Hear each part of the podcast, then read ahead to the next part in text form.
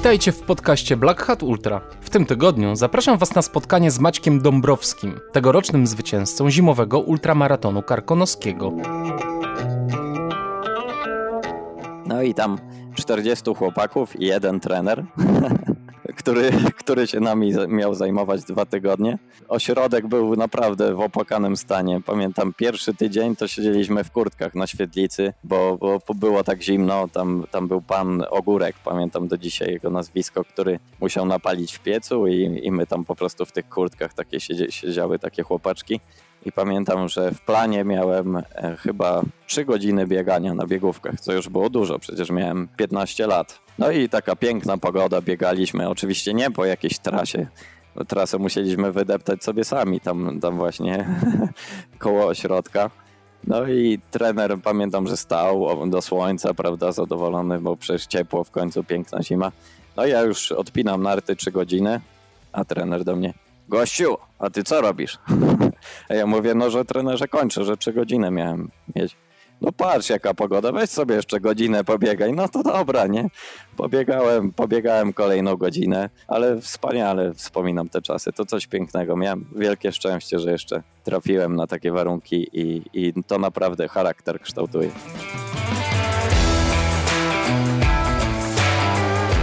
To był Maciek Dąbrowski. Ja nazywam się Kamil Dąbkowski i witam Was w podcaście Black Hat Ultra. Black Hat Ultra to podcast, w którym spotykam się z niezwykłymi osobami, które prowadzone pasją i ambicją pokonują swoje fizyczne i mentalne słabości, aby się rozwijać i realizować założone cele z uśmiechem na twarzy i w zgodzie ze sobą.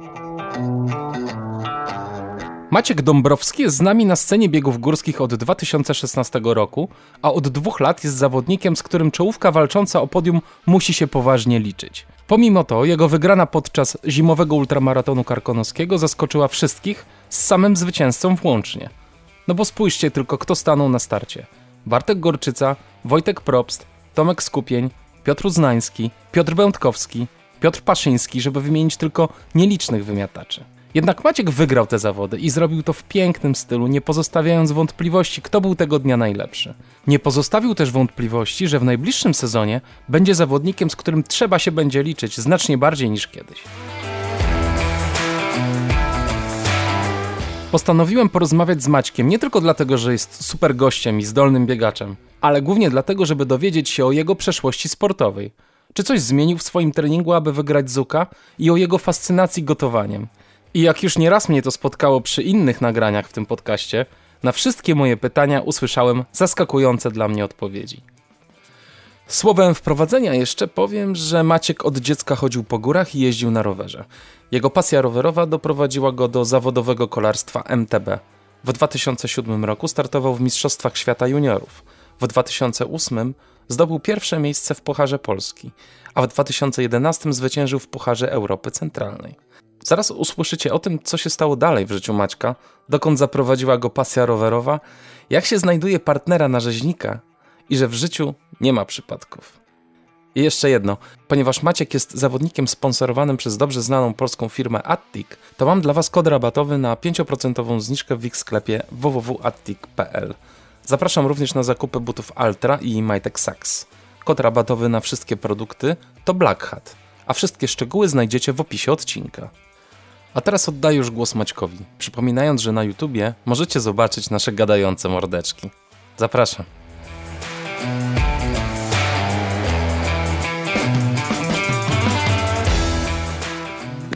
Cześć Maciek! Cześć Kamil. E, mieliśmy się spotkać osobiście, ale korona nas dorwała i jest jak jest. I tak, I tak fajnie, że tego Zuka wam się udało pobiec, co? To chyba ostatnia impreza tej wiosny. No jak jechaliśmy na Zuka, bo zawsze na, na zawody jeździmy dużą ekipą, zwykle to jest e, Kasia moja oczywiście, plus e, Justyna oraz e, Piotrek Uznański, czyli mój partner rzeźnikowy. No jak jechaliśmy na zawody, to trochę może pesymistycznie powiedziałem, że fajnie, że, że te zawody się odbędą, bo po prostu później możemy mieć jakby trochę wolnego. Oni trochę na początku powiedzieli, dobra, nie narzekaj, nie przesadzaj, ale ja jednak obserwowałem, co się dzieje we Włoszech i w Hiszpanii, bo e, kolarstwem dalej się bardzo interesuję i po prostu widziałem, że imprezy są odwoływane, kwarantanny i tak dalej, więc po, niestety wiedziałem, że do nas to też dotrze.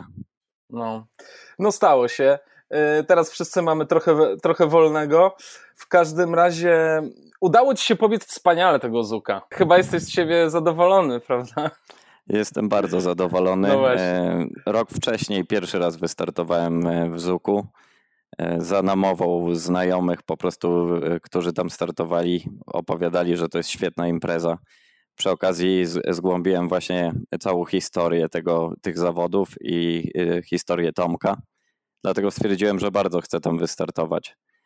Jednak w tamtym roku nie byłem do końca przygotowany. Może fizycznie nawet było ok, ale sprzętowo E, Piotrek e, Uznański do dzisiaj się śmieje, że biegłem w spodniach e, z dekatlonu z takimi kieszeniami, że na mecie wyciągałem z, po prostu lód z tych kieszeni. Więc do dzisiaj się ze mnie śmieje z, z tego powodu. Po, za halą szrenicką w tamtym roku nie byłem w stanie ubrać kurtki, którą miałem w plecaku, bo po prostu tak wiało. No i to taka była walka o przetrwanie. No po prostu strasznie zamarzłem. No i wtedy już postanowiłem, że muszę wrócić na tą trasę i rozliczyć się z trasą. No, rozliczyłeś się przy okazji ze wszystkimi dookoła. Jakoś tak się udało. E, z moim trenerem Iniaki Dela parą e, skupiamy się na tym, że po prostu bardzo dużo trenujemy, jednak e, nie są to jakieś wielkie obciążenia, bo to jest całkiem inne podejście właśnie filozofia treningu mojego trenera, jak i moja. Dlatego od Łemkowyny 2019. Praktycznie od 20 października do Zuka nie miałem ani jednego dnia wolnego od treningu. I może, może się to komuś wydawać, że no to straszny zajazd pewnie i w ogóle, ale to nie o to chodzi, bo po prostu jeśli mamy wypoczynek, to jest to aktywny wypoczynek i wtedy idę po prostu gdzieś na wycieczkę w góry albo po prostu jadę na, na rower na godzinkę. Y, staramy się nie robić takich dni leżenia na kanapie, bo to tylko gorzej wpływa na, na zawodnika, więc po, jest to inna, inna trochę podejście może do sprawy. No i po prostu od 20 października ciężka robota. Wiedziałem, że chcę po prostu na Zuku dać siebie wszystko. Nie myślałem o tym, które zajmę miejsce. Miałem jakieś tam do rozliczenia sprawy z trasą, I ze sprzętem. Ze sprzętem też. Zostałem wyposażony w najlepszy sprzęt od mojego sponsora firmy Attic, więc wiedziałem, że będę gotowy pod tym względem. Bardzo też chciałem w końcu stanąć na śnieżce pierwszy raz, bo nie miałem nigdy wcześniej jeszcze okazji tam wejść na górę i nawet w tamtym roku podczas maratonu karkonowskiego, jak supportowałem Kasię, myślałem, bo byłem już pod Domem Śląskim, że mógłbym na chwilę skoczyć i, i stanąć tam na górze, ale stwierdziłem, że nie będzie to to samo, że lepiej to zrobić podczas Zuka. No i tak się stało, że, że, że stanąłem tam w końcu, bo w tamtym roku trasa była skrócona, jak dobrze wiem. E, nie, no w ogóle to był wyjątkowy dzień i dla ciebie, i dla Kasi. Ale wiesz co, e, wrócimy też do treningów i do wszystkiego, ale chciałem najpierw, e, żebyś opowiedział, jak wyglądał przebieg tego biegu, dlatego że ja go śledziłem, śledziłem traki najlepszych zawodników i one no mało doskonały jest chyba ten system do, do śledzenia z, z tych chipów. I wiesz, i tam po prostu działy się ogromne przetasowania z mojej perspektywy, jak obserwowałem te chipy. E, chciałem się ciebie spytać, jak wyglądał start, y, z kim się mijałeś na trasie, jak to wyglądało z twojej perspektywy? Więc wystartowaliśmy z Polany Jakuszyckiej i na prowadzenie od razu wyszedł y, mój przyjaciel Piotrek Uznański więc w chwilę się poczułem jak na biegu rzeźnika, gdzieś po prostu krok w krok za Piotrkiem.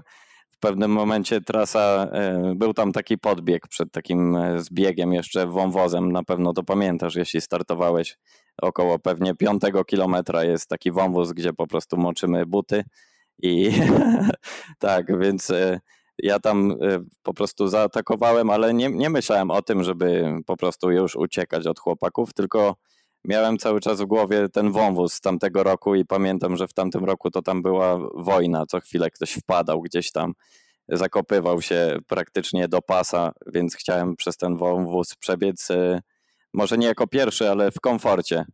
No i y, przed wąwozem zobaczyłem, że zrobiłem trochę przewagi nad chłopakami i jakoś fajnie mi się tam przebiegło, naprawdę przez ten las. Wbiegłem na drogę, odwróciłem się, zobaczyłem, że nie ma nikogo za mną no to dobra, jeszcze kawałek tą drogą pobiegnę, chłopaki zaraz mnie dogonią. No przecież W tym roku była naj, największa obsada chyba w historii Zuka.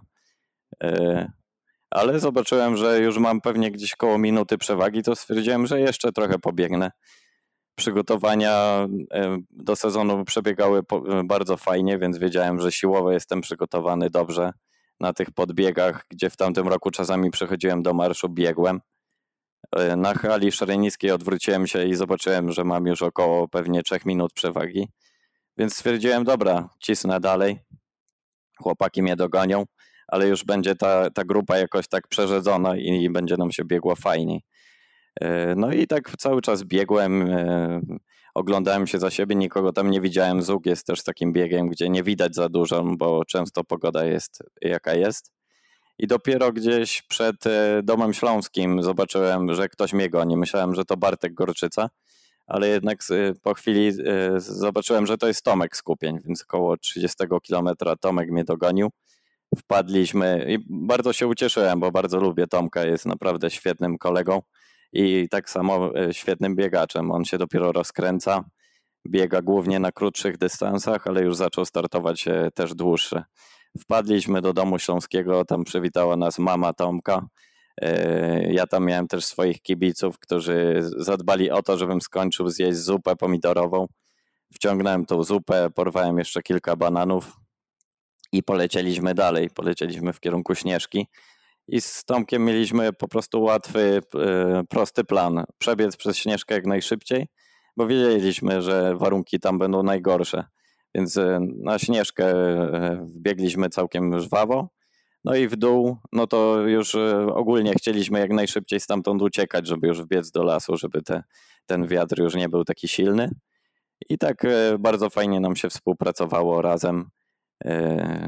Tomek czasami prowadził, czasami ja prowadziłem i w, e, sumie e, do, do chyba 5 kilometrów przed metą, 5 kilometrów przed metą Tomek troszkę osłabł, zaczęły łapać go skurcze, więc stwierdziłem, że próbuję zaatakować i zrobiłem około minuty przewagi. Jednak tutaj na sam koniec już przy, przy wyciągu, przy zbiegu już do, na deptak w Karpaczu jakiś kibic źle pokazał mi trasę i straciłem tam prawie 45 sekund, więc naprawdę zrobiło mi się ciepło, bo zobaczyłem, że Tomek już jest za mną, ale udało się dobiec na, na tą metę i, i wygrać po prostu, także... Nie, no wspaniale. Powiem Ci, że nie śledziłem tego, jaki był rekord trasy, pewnie z, zrobiony przez Michała Rajce. Jak, jak wyglądał ten rok? Twój wynik w stosunku do rekordu trasy? A powiem Ci szczerze, że ja aż tak bardzo nie przy, e, nie, jakby nie skupiam się na rekordach czy na tym, bo w biegach ultra ciężko porównywać trasę z roku na rok, bo wystarczy, że warunki będą inne, będzie głębszy śnieg, e, no i po prostu nie ma możliwości e, jakoś się porównywać. Zresztą w tym roku trasa na. I była inna trasa. Dokładnie, oczywiście. trasa była dłuższa, było prawie 400 metrów przewyższenia więcej, to jest jednak bardzo dużo. Także nie ma co porównywać tych rekordów, bo w jednym roku możemy biec w bagnie po pas, a w, w kolejnym będzie sucho i ktoś zrobi rekord trasy, poprawi go o 45 minut a tak naprawdę może nie być lepszym biegaczem, prawda? No tak, oczywiście.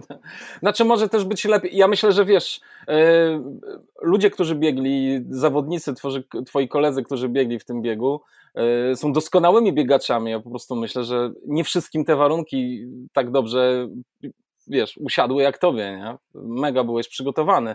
Powiedz, czy w tych warunkach, w podobnych warunkach trenowałeś też do, do, do tego biegu wcześniej?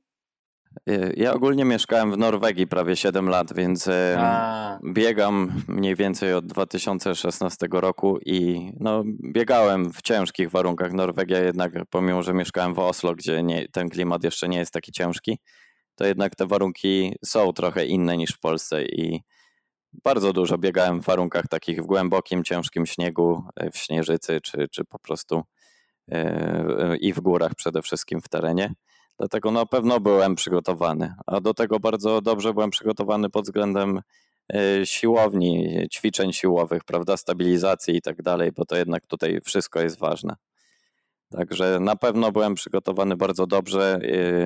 Udało mi się wygrać, tak jak mówię, chłopaki to naprawdę są E, niezłe kozaki. E, po kolei tam można wymieniać te nazwiska, na pewno niewiele osób stawiało na to, że, że mogę ja wygrać i ja tak jak mówię, nie przywiązywałem uwagi do miejsca. Ja miałem bardziej, do, chciałem się rozliczyć z trasą i wystartować w świetnych zawodach. Nie, no wyszło ci to wspaniale i twoje zwycięstwo jest, wiesz, no jak najbardziej zasłużone, no, także cudownie.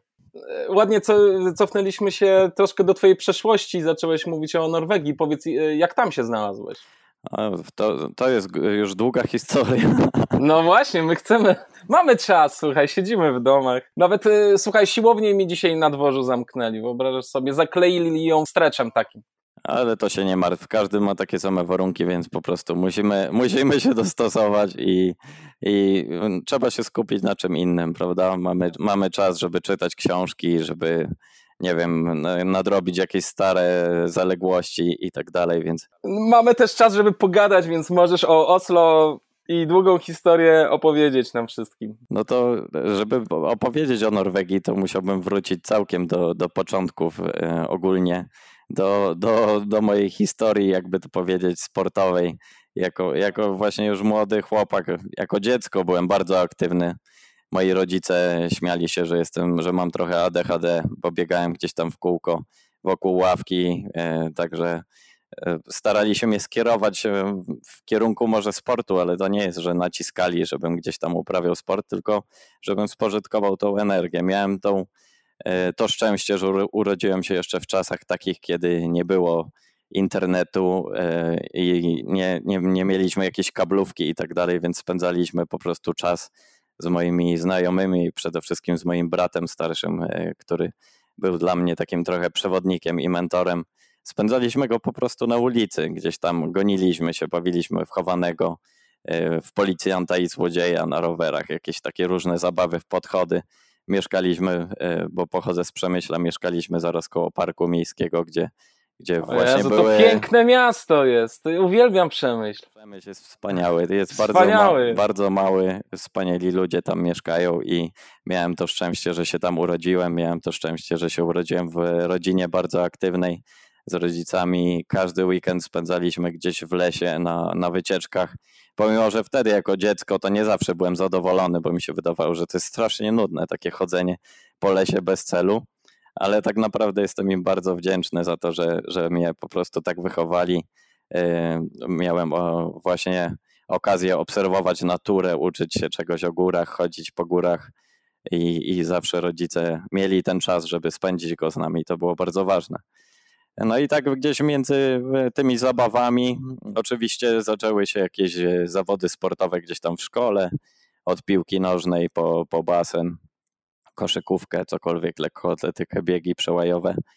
E, no i gdzieś tam też pojawił się ten rower przy okazji właśnie tych zabaw policjanta i złodzieja. Okazało się, że jestem całkiem dobrym złodziejem, bo nie mogli mnie dogonić. Więc e, stwierdziliśmy z bratem, że fajnie by było wystartować w zawodach. Mieliśmy to szczęście, że właśnie w parku miejskim e, pan Ryszard Kosterkiewicz to jest tato Kasi Winiarskiej i Marcina Kosterkiewicza, bardzo dobrych też biegaczy ultra organizował właśnie z Marcinem pierwsze takie zawody kolarskie. W pierwszym roku nie wystartowałem, bo miałem jeszcze taki rower na mniejszych kołach, więc nie miałbym w ogóle szans na nim chyba przejechać tej trasy. Ale mój starszy brat wystartował pierwszy raz i ja mu po prostu kibicowałem z całą rodziną.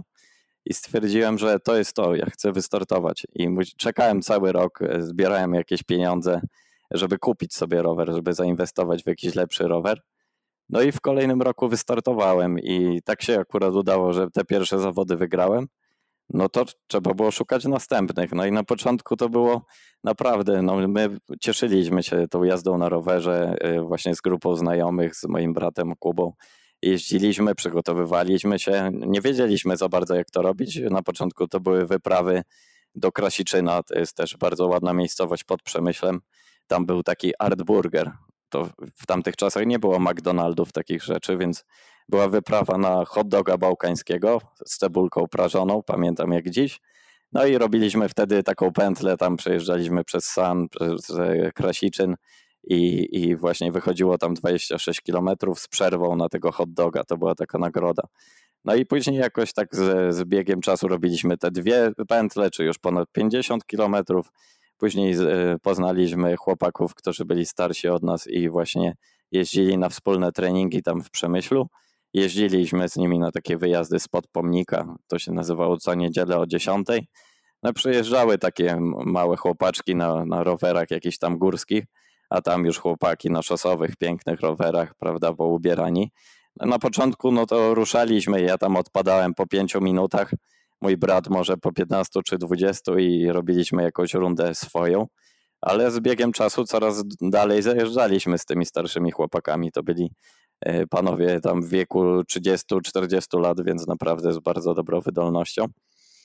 No a z biegiem czasu zaczęliśmy po prostu wygrywać z nimi. Zostawialiśmy ich na podjazdach i oni na początku byli bardzo zdziwieni, bo widzieli, że oni mają rowery szosowe, a my na, na tym asfalcie, na tych rowerach górskich dajemy sobie radę, jeszcze nieraz uciekamy właśnie przed nimi. No i pamiętam taką sytuację, że kiedyś pojechaliśmy ze znajomymi w Bieszczady. No, nie wiem, w ogóle teraz dla mnie to się wydaje jakieś e, nienormalne, że spakowaliśmy rowery i starsi goście zabrali nas na rundę 120 km gdzieś tam, prawda, przez Otryt, e, gdzieś z Chreftu, po, po krzakach jeździliśmy. Ja miałem wtedy chyba 13 lat, mój brat 16. No i super, nam się naprawdę jechało, daliśmy radę, wytrzymaliśmy z nimi do końca. I pamiętam, że właśnie kolega zapytał się, co wy w ogóle jedliście? Jak to możliwe, że wy że macie tyle siły? Przecież wy jesteście dziećmi. A, a my mu odpowiedzieliśmy, grilla mieliśmy. Tato robił skrzydełka, zjedliśmy i, no i do dzisiaj chłopaki właśnie się śmieją, że my po tym grillu w sobotę w niedzielę piękna trasa gdzieś tam w Bieszczadach, tak, no i to były naprawdę pierwsze takie wyjazdy poza Przemyśl. No i później właśnie jak te zawody nie wystarczały już w Przemyślu, bo one były tam dwa razy do roku organizowane, no to gdzieś tam pojechaliśmy pod Sanok. Później gdzieś jeszcze w kierunku Bieszczad. No i tak pomału, pomału yy, pojawił się jakiś Puchar Tarnowa, to już był wyjazd naprawdę, no takie zawody, gdzie przyjeżdżała cała, cała śmietanka kolarstwa górskiego, przyjeżdżały tam bardzo dobre kluby sportowe. No i my, my tam pomalutku e, chcieliśmy też dołączyć. Jakoś tak się udało, że ja w pierwszym starcie też tam wygrałem, co było dużym w ogóle zaskoczeniem dla, dla wielu chłopaków, bo oni się ścigali już z licencją kolarską, a tu przyjechał jakiś koleś, który ma jedne spodenki, jedną koszulkę i, i im dołożył. No i to wtedy miałem 13 lat, więc byłem w kategorii młodzika i stwierdziłem, że e, z rodzicami ustaliliśmy, że może w przyszłym roku zrobimy tą licencję kolarską i zaczniemy startować w Pucharach Polski.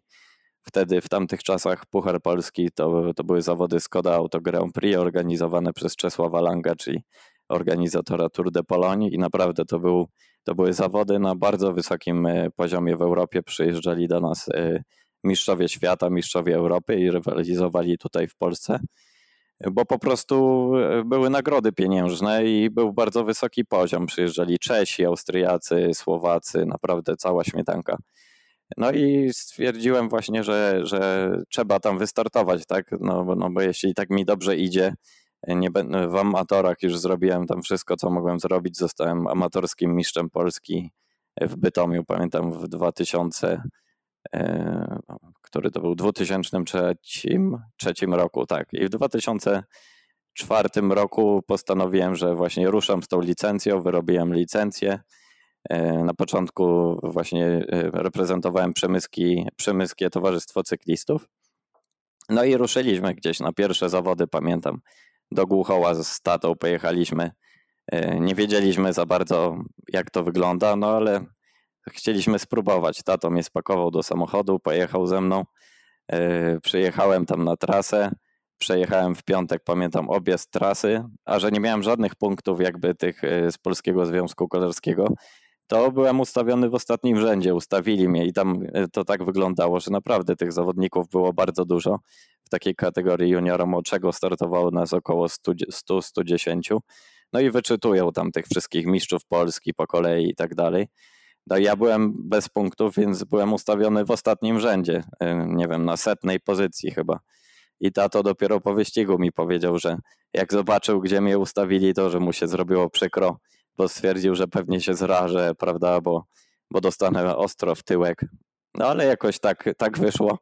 Właśnie śmieję się do dzisiaj, że to jest taka nieświadomość trochę, jak byłem właśnie takim młodym zawodnikiem, to nie miałem tam problemów, że tu jest jakiś tam mistrz Polski, a tu jest jakiś reprezentant inny Polski albo, albo w ogóle medalista Mistrzostw Europy, tylko a przyjeżdżam, startuję i zobaczymy jak będzie. No i tak wystartowałem i udało mi się z tego setnego miejsca podczas tego wyścigu, który trwał może, nie wiem, godzinę 20, dojechać na 12 pozycji i byłem naprawdę, byłem tak z siebie zadowolony, że, że, że, że masakra, to było piękne. Pamiętam, pamiętam, że przejeżdżałem przez metę i, i byłem, no byłem dumny, że naprawdę udało się super. No i kolejna edycja znowu gdzieś Czarnków koło Poznania, więc znowu wyprawa z tego Przemyśla. Przecież wtedy nie było tak autostrad jak teraz, że się wsiada i jedzie. Pamiętam, trzeba było przejechać przez Śląsk, mój tato wtedy normalnie tam aż prawie się pienił, prawda, bo kiedyś przejechać przez Śląsk e, bez autostrady, bez nawigacji to było jakiś hardcore. Nigdy nam się nie udało tak samo przejechać.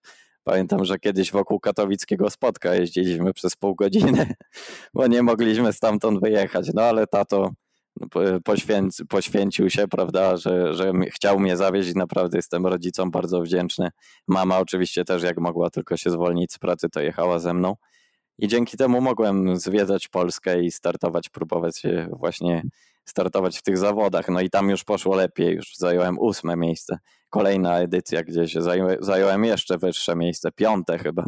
I pamiętam, że w tym pierwszym roku miałem szansę w ogóle być, stanąć na podium pierwszy raz, ale zrobiłem głupi błąd i się przewróciłem gdzieś tam przed metą i przegrałem, pamiętam, czwarte miejsce o chyba dwie sekundy, bo nie dogo- e, trzecie miejsce, przepraszam, o dwie sekundy nie dogoniłem po prostu chłopaka.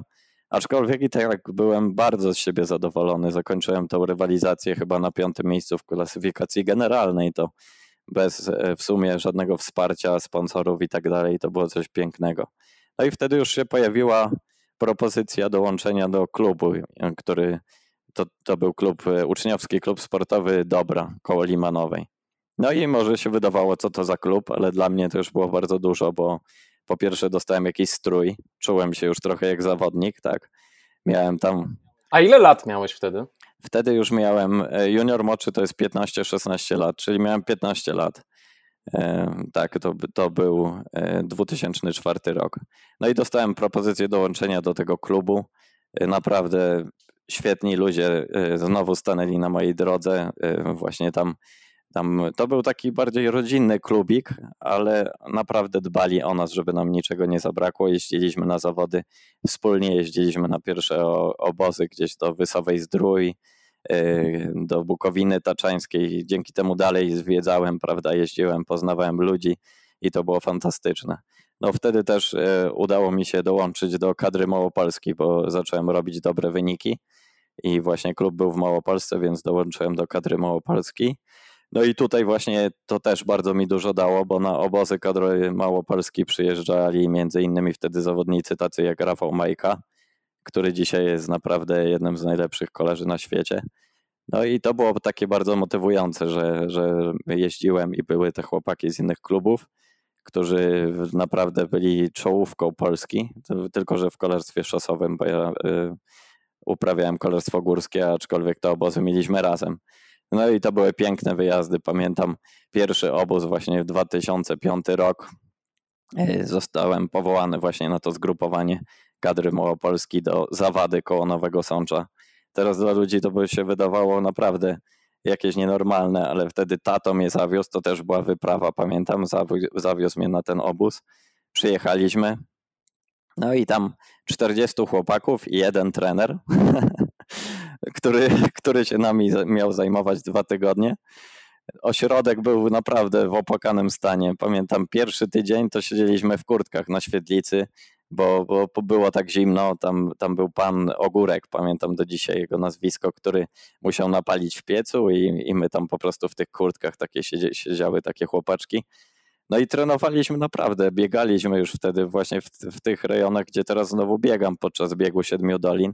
Rytro, przecież te tereny, y, no to, to jest bardzo, już wtedy poznawałem i nie wiedziałem, że kiedyś będę tam w ogóle biegał, aczkolwiek w tamtych czasach też właśnie taki obóz zimowy, to było dużo biegania, rower, basen, ćwiczenia, ćwiczyliśmy trzy razy dziennie, trzy treningi, zawsze był rozruch o siódmej, trener, trener y, czekał, jak ktoś się spóźnił, to miał oczywiście karę, robił jakieś dodatkowe pompki i tak dalej.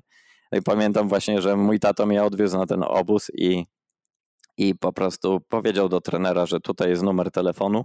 Jakby były jakieś problemy, że proszę dzwonić, a trener Klęk, e, właśnie ten trener Rafała Majki, bardzo dobry trener, e, powiedział, że tu nie będzie żadnych problemów.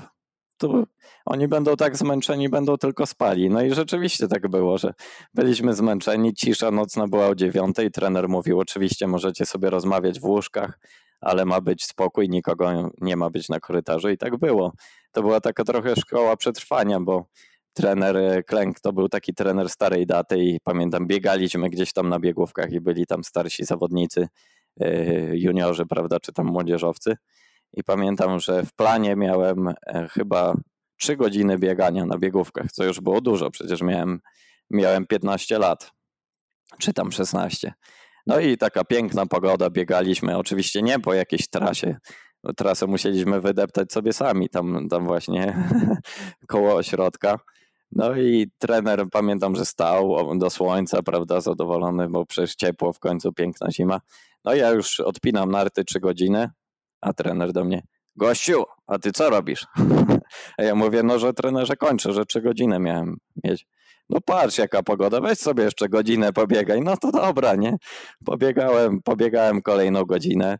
Jeszcze właśnie ośrodek w Zawadzie był taki, że przez dwa lata, bo jeździłem tam dwa lata, miałem tylko dwa razy ciepłą wodę, bo wszyscy zawodnicy, którzy kończyli wcześniej trening albo dziewczyny, wylewały nam ciepłą wodę, więc reszta kąpała się w zimnej. To była naprawdę taka szkoła przetrwania, ale wspaniale wspominam te czasy. To coś pięknego. Miałem wielkie szczęście, że jeszcze trafiłem na takie warunki i, i mhm. to naprawdę charakter kształtuje. Sporo dobrych ludzi spotkałeś na swojej drodze. Nie dość, że rodzice bardzo cię wspierali, to jeszcze do tego y, miałeś bardzo fajnych znajomych, trenerów. To jest chyba, chyba fajnie ci się to wszystko układało, nie?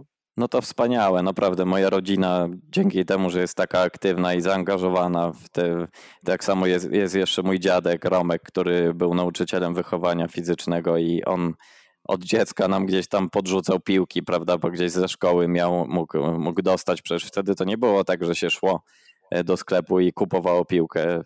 No, pamiętam, że jeszcze właśnie gdzieś jak chodziłem do podstawówki, to trzeba było iść e, po kolegę, który miał piłkę, żeby, żeby pokopać. No nie wszyscy mieliśmy piłki, później oczywiście się to już zmieniało, ale to były jeszcze te takie czasy. Więc mhm. tak, tak, tak jak mówisz, miałem szczęście właśnie, że urodziłem się w takiej rodzinie, że trafiłem na takich ludzi, że trafiłem na takich ludzi właśnie gdzieś w klubach sportowych, którzy mnie wspierali, bo klubu właśnie ten UKS Dobra był może mały, ale mieliśmy e, wspaniałego sponsora, kiedyś bardzo dobrego narciarza biegowego Franciszka Jareckiego, który też jest chyba jeszcze do dzisiaj sponsorem Marcina Lewandowskiego, wielkiego utalentowanego biegacza, prawda?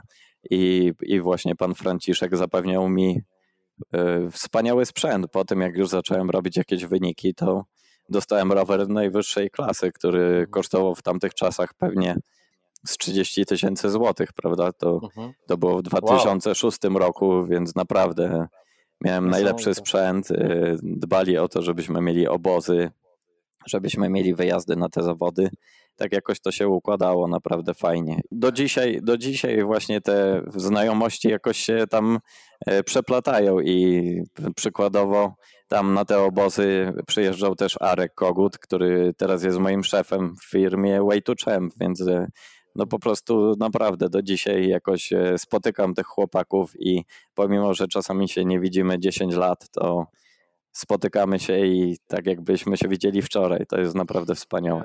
A powiedz, wspominałeś o swoim bracie. Czy on e, był z tobą cały czas, podczas gdy ty robiłeś, e, dalej rozwijałeś swoją karierę sportową, czy on zajął się czymś innym w życiu? Kuba ogólnie e, tak, był od początku ze mną w sporcie i naprawdę też jestem mu bardzo wdzięczny, że mógł właśnie trenować. Trenowaliśmy razem, nieraz właśnie nie, nie, robiliśmy jakieś podjazdy w Przemyślu koło cmentarza w zimie, pamiętam minus 20 stopni, przecież wtedy nie było takich ubrań, prawda, żeby jakoś się ubrać.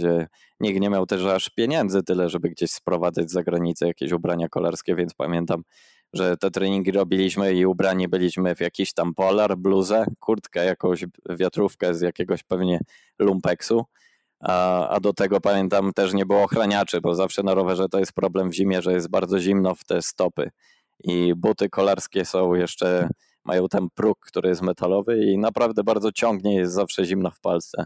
Więc mieliśmy taką taktykę, że zakładaliśmy skarpetkę, później worek foliowy i drugą skarpetkę. No i w ten sposób trenowaliśmy gdzieś tam, więc y, mój brat właśnie zawsze był ze mną na treningach na początku i dzięki niemu właśnie też się y, zajawiłem tym kolarstwem. Później Kuba y, cały czas oczywiście był aktywny, do dzisiaj jest aktywny, ale też skupił się na nauce, bo po prostu był bardzo dobry E, z matematyki i startował w olimpiadach matematycznych i poszedł też na studia do Krakowa na e, e, AGIech po prostu i studiował informatykę. Więc w jakimś tam momencie po prostu on skupił się bardziej na sporcie amatorskim, a bardziej na nauce, prawda? Mhm. Jasne. Dobra, no to słuchaj, to jest, masz 16 lat i jesteś diabłem na, na rowerze i przeżywasz dużo przygód różnych sportowych. Co dalej się działo?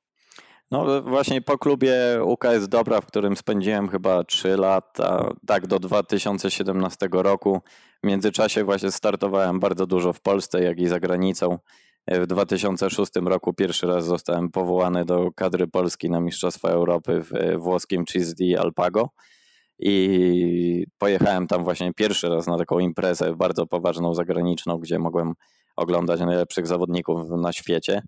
Tam zająłem chyba 30 miejsce, z tego co mi się wydaje. Oczywiście też byłem rozstawiony gdzieś bardzo daleko, bo nie miałem żadnych punktów UCI. E, no i następny rok e, były Mistrzostwa Świata w szkockim e, Forcie William, gdzie też się zakwalifikowałem, bo, bo zdobyłem po prostu medal Mistrzostw Polski z automatu. Pierwsza trójka pojechała na Mistrzostwa Świata. Tam zająłem 22 miejsce i naprawdę byłem z siebie bardzo zadowolony. Ogólnie zrobiliśmy wtedy jako właśnie juniorzy jeden z najlepszych wyników e, w historii, ponieważ e, Piotrek Wrzoska wtedy został wicemistrzem świata, Marek Konwa zajął ósme miejsce. A taka ciekawostka, że dziesiąty był Peter Sagan, który jest teraz naprawdę najlepszym zawodnikiem na świecie, prawda? Także no to było fajne, że mogłem gdzieś tam i takiego Petera Sagana gdzieś tam poznać, ścigać się z nim i, i to były naprawdę, naprawdę fajne, fajne historie i wspomnienia zostają do dzisiaj. No, po tym roku dołączyłem do klubu, w 2008 roku dołączyłem do klubu MTB Silesia Rybnik i tutaj to był e, wielki e, dla mnie taki plus, że dołączyłem do klubu, w którym jeździli między innymi mistrz świata w drużynie, E, Crispin Pyrgies i jeszcze jeden zawodnik, Bogdan Czarnota, który był bardzo dobrym maratończykiem. I tutaj bardzo się rozwinąłem dzięki chłopakom, bo od razu pojechałem z nim gdzieś na obóz do Zakopanego i wyjechałem też na pierwsze zgrupowanie drugie, bo jeszcze rok wcześniej byłem na takim zgrupowaniu, sam sobie zorganizowałem w Tunezji ze znajomymi, a w 2008 pojechaliśmy pierwszy raz e, nad Gardę do Włoch, do miejscowości Riva del Garda i tam jeździłem przez kolejne 6 lat, więc we Włoszech spędziłem bardzo dużo czasu. Piękne tereny nad jeziorem, piękne tereny właśnie do treningu. No i w sumie nie tak daleko, bo z Polski dojeżdżaliśmy tam chyba w 11 godzin. Trenowaliśmy bardzo ciężko, tam po, po 5-6 godzin dziennie. I tutaj od chłopaków bardzo dużo się nauczyłem i zrobiłem w sumie największy postęp w tym 2008 roku. Wygrałem wtedy też klasyfikację indywidualną Polskiego Związku Kolarskiego oraz, e, oraz Puchar Polski i zdobyłem wtedy też medal e, w kategorii młodzieżowej brązowy na Mistrzostwach Polski, e, co w pierwszym roku w, w kategorii to był naprawdę duży, duży sukces. No i tak właśnie tak spędziłem ten rok. Po tym roku dostałem propozycję przejścia do Dek Meble Cyklo Korona Kielce, do Kielc.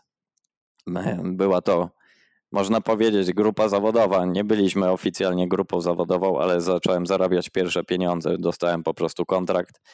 No i z, zostałem takim zawodnikiem, można powiedzieć, zawodowym. Moim głównym e, wtedy planem dnia było to, żeby wstać, zjeść śniadanie, pójść na trening, na te 5-6 godzin wrócić, zregenerować się. No i oczywiście w międzyczasie też, e, też zacząłem studia, e, bo to był 2009 rok, więc zacząłem studia na krakowskim AWF-ie. Mhm. Akurat z AWF-em nie wypaliło troszkę, bo wtedy prawie skończyłem e, się ścigać I, i tak samo skończyłem prawie studia, ponieważ nie, ciężko mieszkać w akademiku, prawda? I, i no chłopaki jak, jakby za bardzo namawiali mnie na to, żebyśmy poszli gdzieś na piwko, a ja miałem w międzyczasie zrobić trening, jeszcze do tego dochodziły, dochodziły jakieś zawody, e, przepraszam, dochodziły zajęcia na, sił, na, na uczelni, gdzie na przykład mieliśmy dwie godziny piłki ręcznej na siódmą rano, później dwie godziny e, przykładowo lekkiej atletyki, godzinę e, basenu, plus jeszcze dwie godziny koszykówki, a ja miałem w planie wtedy na przykład, nie wiem, 100 kilometrów zrobić, więc byłem tak wypompowany po prostu po tych zajęciach, że to nie, miało, nie było sensu i w pewnym momencie stwierdziłem, że to nie jest dla mnie i zrezygnowałem e, właśnie z uczelni i stwierdziłem, że e, ucierpi po prostu na tym mój sport, jeśli ja będę to kontynuował. No i tak e, forma była bardzo słaba, no bo tak jak mówię, dużo imprez na, na AWF-ie, klub Meta, to, to każdy zna go na pewno, ktoś, kto tutaj studiował. E, piękne imprezy do rana, oczywiście nowe znajomości. Poznałem bardzo dużo sportowców z innych dyscyplin, także znowu to było świetne, że mogłem poznać fajnych ludzi, ale stwierdziłem, że w, w pewnym momencie, że ok, czas z tym skończyć, bo niby jestem zawodowym kolarzem, z tego się utrzymuję, a tutaj po prostu nie do końca jest tak e, ok z tym sportem, że coś mnie tam odciąga na bok, więc stwierdziłem koniec, zmieniam uczelnię, E, zmieniłem uczelnię na, na Wszechnicę Świętokrzyską w Kielcach, gdzie też studiowałem wychowanie fizyczne.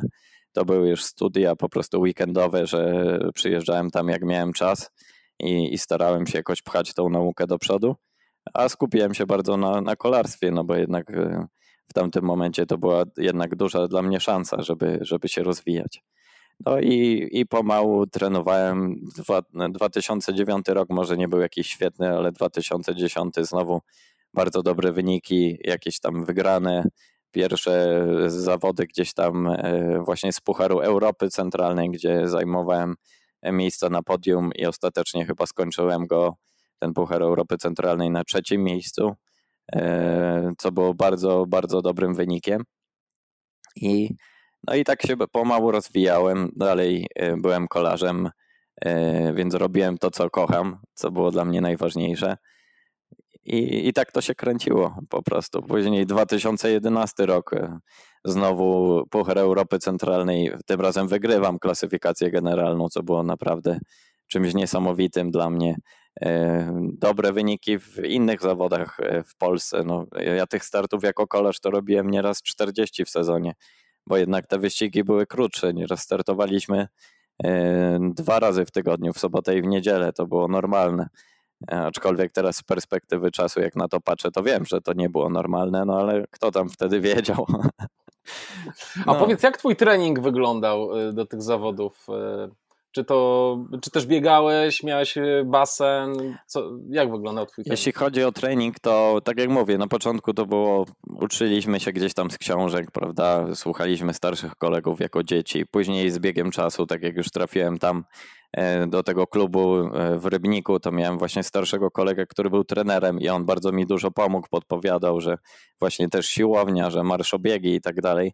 Oczywiście teraz jak na, tak na to patrzę, to za mało biegałem. Jakbym jeszcze raz jakby się cofnął, to na pewno by było więcej biegania, bo po prostu widzę, że dzięki bieganiu jestem sprawniejszy zdecydowanie. E, czyli mało, mało, czyli ile miałeś biegania? No, bieganie było tylko w zimie, prawda? To był taki dodatek do treningu, a ja wiem, że można by to dołączyć e, i, i traktować po prostu jako część treningu. Już wtedy były, dochodziły do, do nas słuchy, że e, Norweszka Gunrita Dale Flesja, ona właśnie cały sezon biega, prawda? Nie tylko jeździ na rowerze.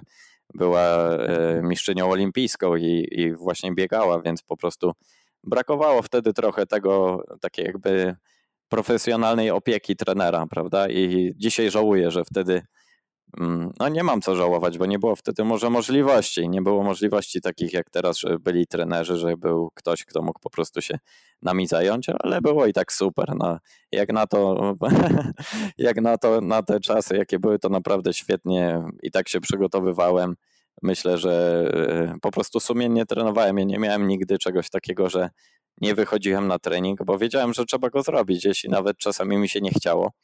to wiedziałem, że to trzeba zrobić, tak, bo niedługo będą zawody i jak nie zrobię, to nie zrobię kolejny raz i nie będę przygotowany i później będę tylko mógł winić siebie. Dla, tak, dlatego tak z tym treningiem było. Basen był, bo ja chodziłem na, na basen jako dziecko. Rodzice posłali nas. E, śmieszna w ogóle też historia, bo zostałem wysłany na basen z tego względu, że miałem krzywy kręgosłup, więc od razu mnie tam skierowali. No ale mi się spodobało i chodziliśmy przez e, kilka lat właśnie ze starszym bratem, później jeszcze młodszy brat Mateusz dołączył i, i właśnie chodziliśmy dwa razy w tygodniu na ten basen, e, więc basen był, także umiałem pływać, to było bardzo fajne. No i później już e, po 2011 roku trochę się załamało tutaj na polskim jakby tym e, w polskim środowisku kolarskim. Jakoś tak zabrakło trochę sponsorów, e, odpadło jakieś stypendium. No i nagle miałem dostać kontrakt, dostałem, ale on był zdecydowanie niższy. Miałem wtedy już, miałem wtedy już, ile to miałem lat? 20, między tak, no 20-21 mniej więcej w tym, w tym czasie, to, to stwierdziłem, że trzeba coś zrobić. No nie mogę zarabiać takich pieniędzy, bo nie będę miał nawet e, na mieszkanie, nie utrzymam się. Czas, czas po prostu e, albo brać się do roboty, zostawić ten sport, ale nie wyobrażałem sobie tego e, zrobić, no bo przecież kochałem sport. Więc stwierdziłem, dobra, raz kozie śmierć, wchodzę na stronę Międzynarodowej Unii Kolarskiej, UCI, pamiętam jak gdzieś wszedłem, wszedłem w, w po prostu wszystkie teamy jakby zawodowe, jakie tam były, skopiowałem sobie mail do każdego teamu, no i rozesłałem po Europie, prawda? Wysłałem. Pamiętam, że odezwali się do mnie z Holandii właśnie i chyba z Norwegii. Yy, I chyba tyle z tych dwóch krajów. Więc yy, no miałem jakieś tam wyniki, więc odezwali się z Holandii, nie wypaliło. Stwierdziłem, dobra, próbujemy tą Norwegię. Wygląda super, propozycja kontraktu zawodowego, mam niby być zatrudniony tylko w sklepie rowerowym, a ogólnie mam się skupić na treningu. No i pojechałem do tej Norwegii w marcu 2012. Jednak nie wszystko potoczyło się tak, jak e, mogło się potoczyć, bo po prostu musiałem pracować jednak i to naprawdę ciężko, bo e, rozładowywać jakieś kontenery z rowerami i tak dalej no, też ode mnie wymagali, żebym, żebym trenował i był na wysokim poziomie. No, ciężko było połączyć pracę 10-12 godzin dziennie z treningiem. No, po tym sezonie 2012 rozstaliśmy się po prostu z klubem. Wynikało to też z tego, że w 2012 roku miałem szansę pojechać na Igrzyska Olimpijskie do Londynu, bo byłem jednym z pięciu zawodników, którzy mogli się zakwalifikować. Tyle, że żeby zakwalifikować się, y, miałem obowiązek startu w Pucharach Świata. No i właśnie to ta grupa norweska y, mi obiecała. Jednak z tego się nie wywiązali, po prostu może mieli jakieś tam problemy. Nie udało mi się wystartować w żadnym Pucharze Świata i po prostu nie brałem udziału y, w kwalifikacjach. A i tak trochę też przez to może motywacja spadła, no bo jednak każdy dąży do tego, żeby startować gdzieś w Mistrzostwach Świata czy Igrzyskach Olimpijskich. No i niestety się nie udało. Stwierdziłem, ok, dobra, wystarczy tego. No ale jestem w tej Norwegii. Trzeba za, za coś e, przeżyć, prawda? Więc stwierdziłem, dobra, trzeba znaleźć jakąś pracę. No ale teraz pojawił się problem, bo 23-letni facet, który przecież e, w CV ma nic, tak? No bo tak naprawdę nikogo nie obchodzi to, że byłeś medalistą Mistrzostw Polski, czy wygrywałeś jakieś tam pułary Europy. Idziesz do pracy i musisz przedstawić swoje CV. I pamiętam, e, jak wypełniałem to CV, no nie wiedziałem, co tam wpisać. Co miałem wpisać? Kolor zawodowy? No i praca, praca się pojawiła. E, bez języka norweskiego była tylko opcja pracy na zmywaku w hotelu na 800 osób. Ale trzeba brać, co jest. Tutaj właśnie te trzy lata takie, no chyba z dwa i pół roku pracowałem na tym zmywaku, aczkolwiek dzisiaj, e, może wtedy nie byłem jakoś super zadowolony, no wiedziałem, że po prostu muszę, muszę się starać zarobić, bo nie miałem kontraktu żadnego e, na stałe, tylko byłem takim na telefon chłopakiem. To też historia taka naprawdę ciężka, bo i zdrowie mi trochę podupadło, aczkolwiek myślę, że zbudowałem wtedy głowę pod ultra, bo praca od 17 e, do 8 rano na przykład. I jeśli pracowałem tak 13 dni pod rząd i pamiętam, że nieraz było tak, że o 8 musiałem posprzątać całą kuchnię z wymyciem i tak dalej. O 5 już przychodził gość, który robił śniadanie i dokładał mi kolejne tam gary, a ja to szarowałem. no i pamiętam o 8 kończyłem, czasami yy, szedłem jeszcze gdzieś się przebiec chwilkę, na początku to była typowa rekreacja. Po prostu czułem, że muszę się ruszyć, bo byłem taki flak, że, że tragedia. Po prostu źle się odżywiałem, za mało spałem. Kładłem się koło dziewiątej, a nieraz mój szef, Francuz, szef kuchni, naprawdę, szefów kuchni to też miałem świetnych, bo też naprawdę szkoła życia. A on dzwonił, no bo przecież on wstał rano o ósmej czy o siódmej, no to on dzwonił, brał telefon, dzwonił do mnie tam, nie wiem, E, chciał na przykład, żebym przyszedł do pracy zamiast na 17, na 14. No i jak ja o 9 się położyłem, a gość do mnie dzwonił o 10 i e, hey buddy, I need you, please be here two o'clock. No to co, no to tak, dziesiąta, patrzę na zegarek, no to ile pośpię, godzinę trzeba wstawać i iść do roboty. No i tak to, tak to było na początku było ciężko, ale to naprawdę wydaje mi się, że, że, że to są takie dobre wspomnienia. Dostałem ostro po dupie i uważam, że wielu młodych zawodników, którzy e, po prostu czują się, że są tam, nie wiem, właśnie kolorzami jakimiś zawodowymi i tak dalej. I oni trochę za mało doceniają to, co mają, bo ja bym im tam taką, no nawet taki miesiąc takiej, takiej po prostu szkoły, szkoły życia, żeby doceniali bardziej wszystko to, co mają. I tak jakoś właśnie po tych, nie wiem, dwa i pół roku dostałem e, szansę pracowania jako pomocnik śniadaniowego. No to trzeba było wszystko tutaj poznawać od nowa, nie? jeszcze wszystko po angielsku, częściowo po norwesku, bo team był taki międzynarodowy, mieliśmy Niemców, Norwegów, Szwedów, prawda, i, i z innych krajów jeszcze ludzi.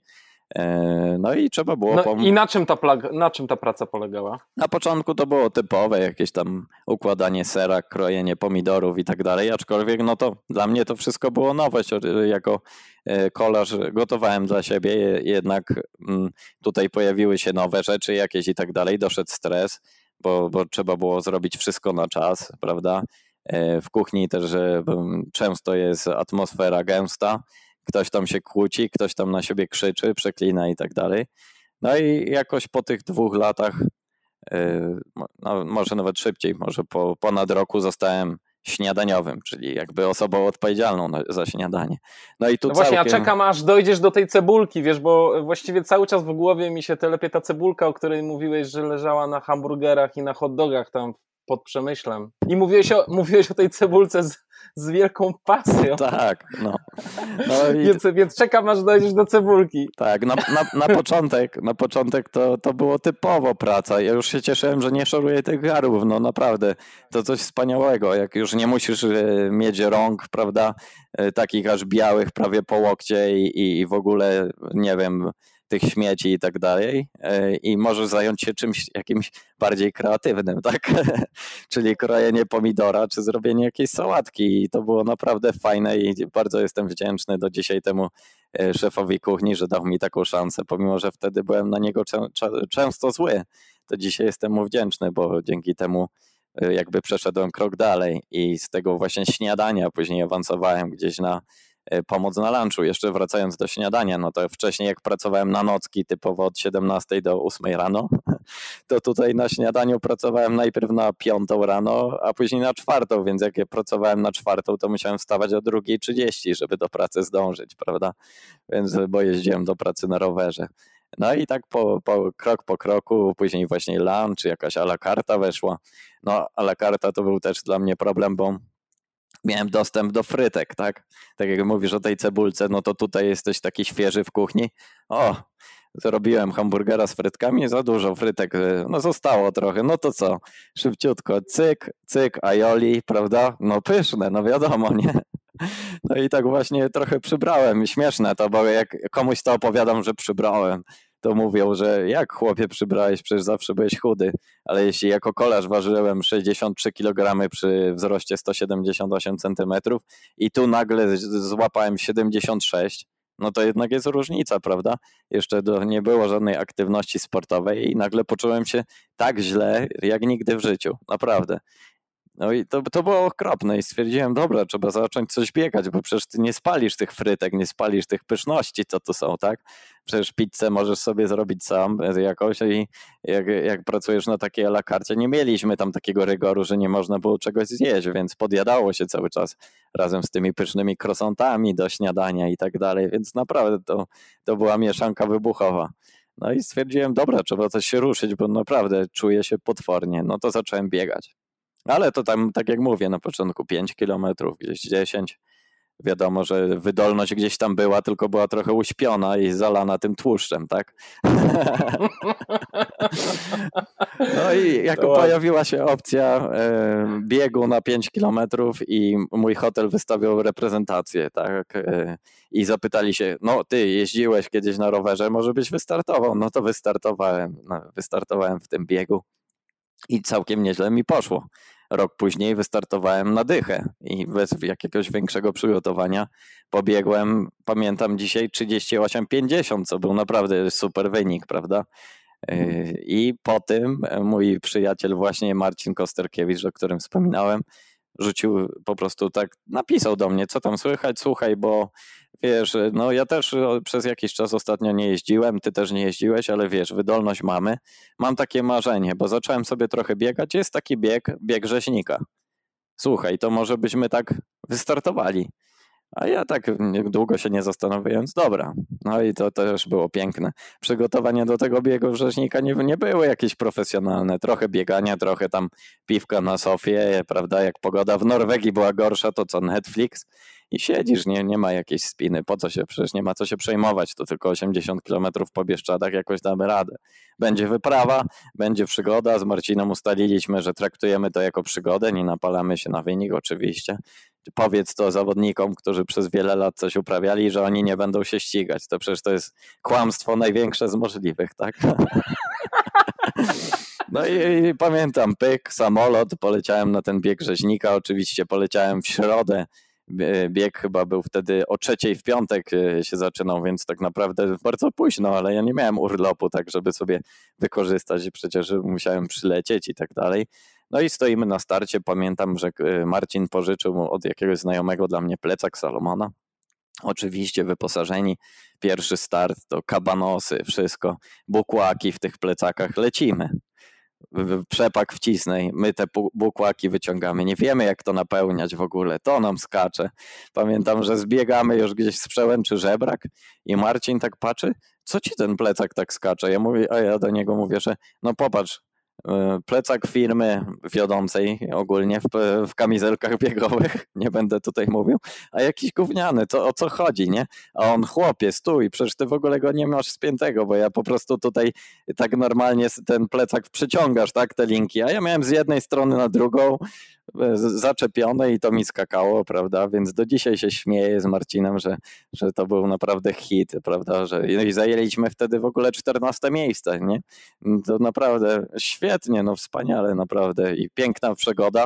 Oczywiście cała rodzina była dziadek, który nas supportował, rodzice, y, brat, prawda, no wszyscy znajomi, rodzice Marcina, no piękna sprawa, to naprawdę od razu zakochałem się y, w tym biegu, aczkolwiek y, na mecie powiedziałem, siadłem, pamiętam, na, na takiej skrzynce Coca-Coli, nie mogłem z niej wstać i powiedziałem, to jest nienormalne. Kto to w ogóle wymyślił, żeby biegać 80 km po górach?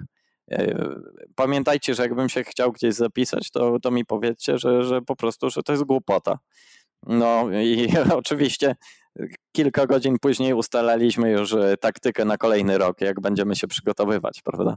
No i tak się dokładnie wciągnąłem. Po tym właśnie, bo to był 2016 rok, jeszcze wystartowałem w maratonie w Oslo, też bez jakiegoś większego treningu.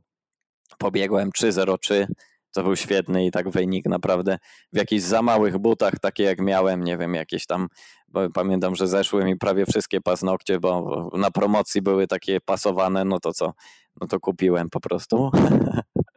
No i przygotowania do biegu rzeźnika 2017, dalej właśnie z Marcinem, prawda? Przygotowywaliśmy się tu już naprawdę świetne było. To było wspaniałe i to jest super w tym biegu, że jest taka motywacja. Cały rok jakby jesteś w kontakcie z tym partnerem Y, oczywiście, o ile jest to osoba z którą możesz jakby mieć i nadawać na dobrych falach, więc cały czas się motywowaliśmy, patrzyliśmy na swoje treningi i wiedzieliśmy, że teraz jedziemy już walczyć, no bo po prostu przecież wiemy już, co, co, co robiliśmy nie tak, no to będzie dobrze. No i było super, bo zajęliśmy czwarte miejsce, przegrywając trzecie o, o minutę, a drugie o dwie minuty i naprawdę byłem, byłem z ciebie zadowolony bardzo. Marcin, Marcin tak samo. Marcin pobiegł, powiedział: Dobra, słuchaj, przyjacielu, ja więcej już nic nie zrobię, już dałem siebie wszystko. Ty musisz sobie znaleźć innego partnera, bo, bo, bo ja chciałbym, żebyś ty wygrał kiedyś ten bieg, a ze mną tego nie zrobisz. No nie jestem w stanie. Jakoś tak było, że z Marcinem e, dużo czasu, oczywiście jeśli byłem w Polsce, bo ja przylatywałem tylko na tyle, ile mogłem, bo ten urlop mnie trzymał i przyleciałem, bo robiliśmy rekonesans biegu Siedmiu Dolin w Krynicy. Mieszkaliśmy trochę w Muszynie, trochę w Szczawnicy, z Marcinem właśnie trenowałem się, przygotowywałem i patrzymy, o, Gorce Ultra Trail. Dobra, no to wystartujemy. Co prawda w nogach już przed biegiem mieliśmy prawie 100 kilometrów, no bo to takie początki były, że człowiek nie, nie wiedział za bardzo. Rekonesans był ważniejszy. Zapisaliśmy się na dystans 40 kilometrów. No i Marcin yy, się gdzieś tam pogubił, ja oczywiście też, ale przez pierwsze 26 kilometrów biegłem z jakimś takim niewysokim chłopakiem. Super mi się biegło, naprawdę od razu złapaliśmy kontakt. I to jest bardzo ważne, żeby na zawodach po prostu rozmawiać ze sobą. Yy, często ludzie, nie wiem, biegną, wiem, że niektórzy są skupieni, prawda, i i nie chcą rozmawiać, ale trzeba pamiętać o tym, żeby poznawać tych ludzi, bo to jest cała siła w, w tym, że mamy tą samą pasję, jesteśmy razem w górach i naprawdę pamiętajmy o tym.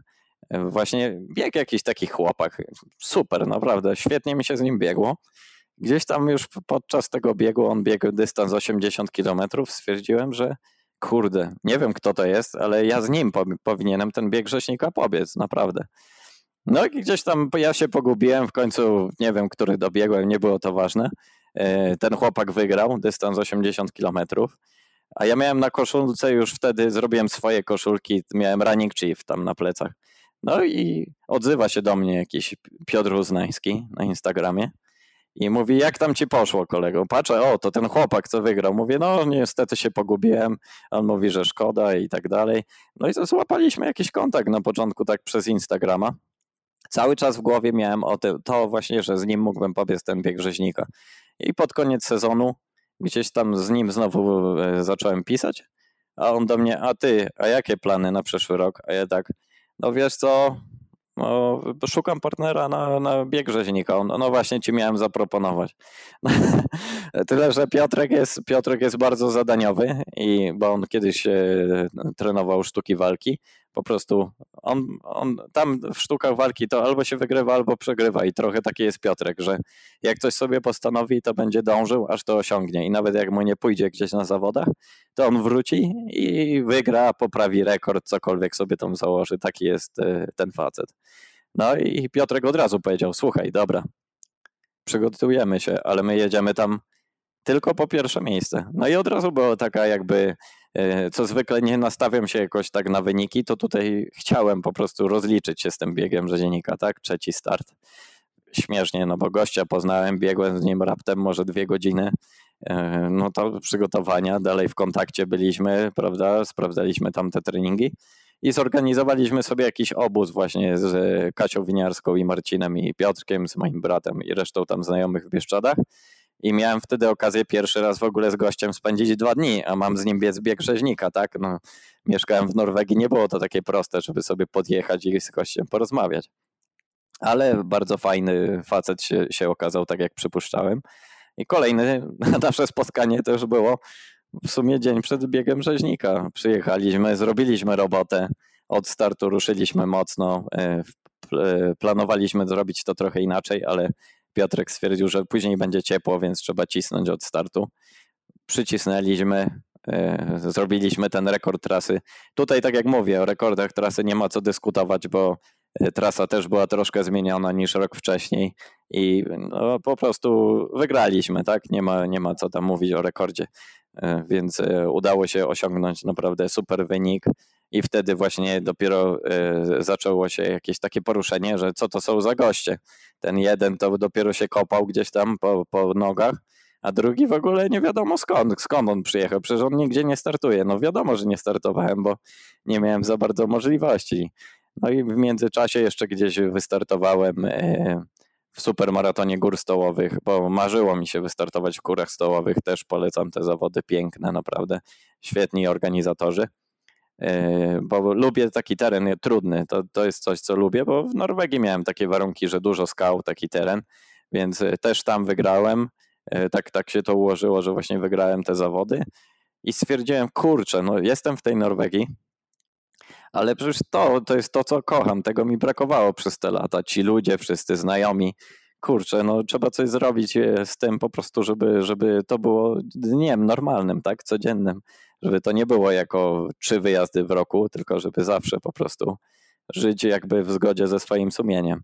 No i tak pomału zacząłem coś właśnie myśleć, jak, jak, jak wrócić e, i tak dalej. I w międzyczasie pojawiła się propozycja właśnie wysunięta przez Arka Koguta, e, mojego jeszcze kolegę z czasów kolarstwa, właściciela firmy Way to Champ, który powiedział, słuchaj, potrzebuję właśnie trenera kolarstwa, E, także słuchaj, jak, jak coś, to, to jestem chętny, żebyś dołączył do naszego teamu, ale musisz porozmawiać z moim wspólnikiem, z Meksykaninem Iniaki de la Paro. No to siedzę, pamiętam gdzieś w pracy tam e, po, po serwisie i, i pierwszy raz rozmawiałem z moim trenerem, zadzwonił właśnie Iniaki. Normalnie jakbym go znał latami, pierwszy raz z nim, z, z nim rozmawiałem, a naprawdę złapaliśmy świetną chemię od razu. I zapytałem się od razu Iniakiego, czy pomoże mi zorganizować badania wydolnościowe w, Ka w Katowicach. Przyjechałem na te badania, on oczywiście mi to zorganizował. Zrobiłem test i on w sumie sam powiedział: Słuchaj, ja chciałbym cię trenować. Jak się zgodzisz, to będę twoim trenerem. Tak stwierdziłem, no kurczę, no jak można by się nie zgodzić? Iniaki e, był mistrzem świata w ultramanie, czyli to jest 10 km pływania, 420 y, chyba kilometrów na rowerze y, i y, czekaj, i 84 km biegu, tak. No to stwierdziłem, kurczę, jak można by nie skorzystać z takiej szansy, prawda? Taki wielki zawodnik i no i oczywiście zaczęliśmy współpracę w tamtym roku w marcu.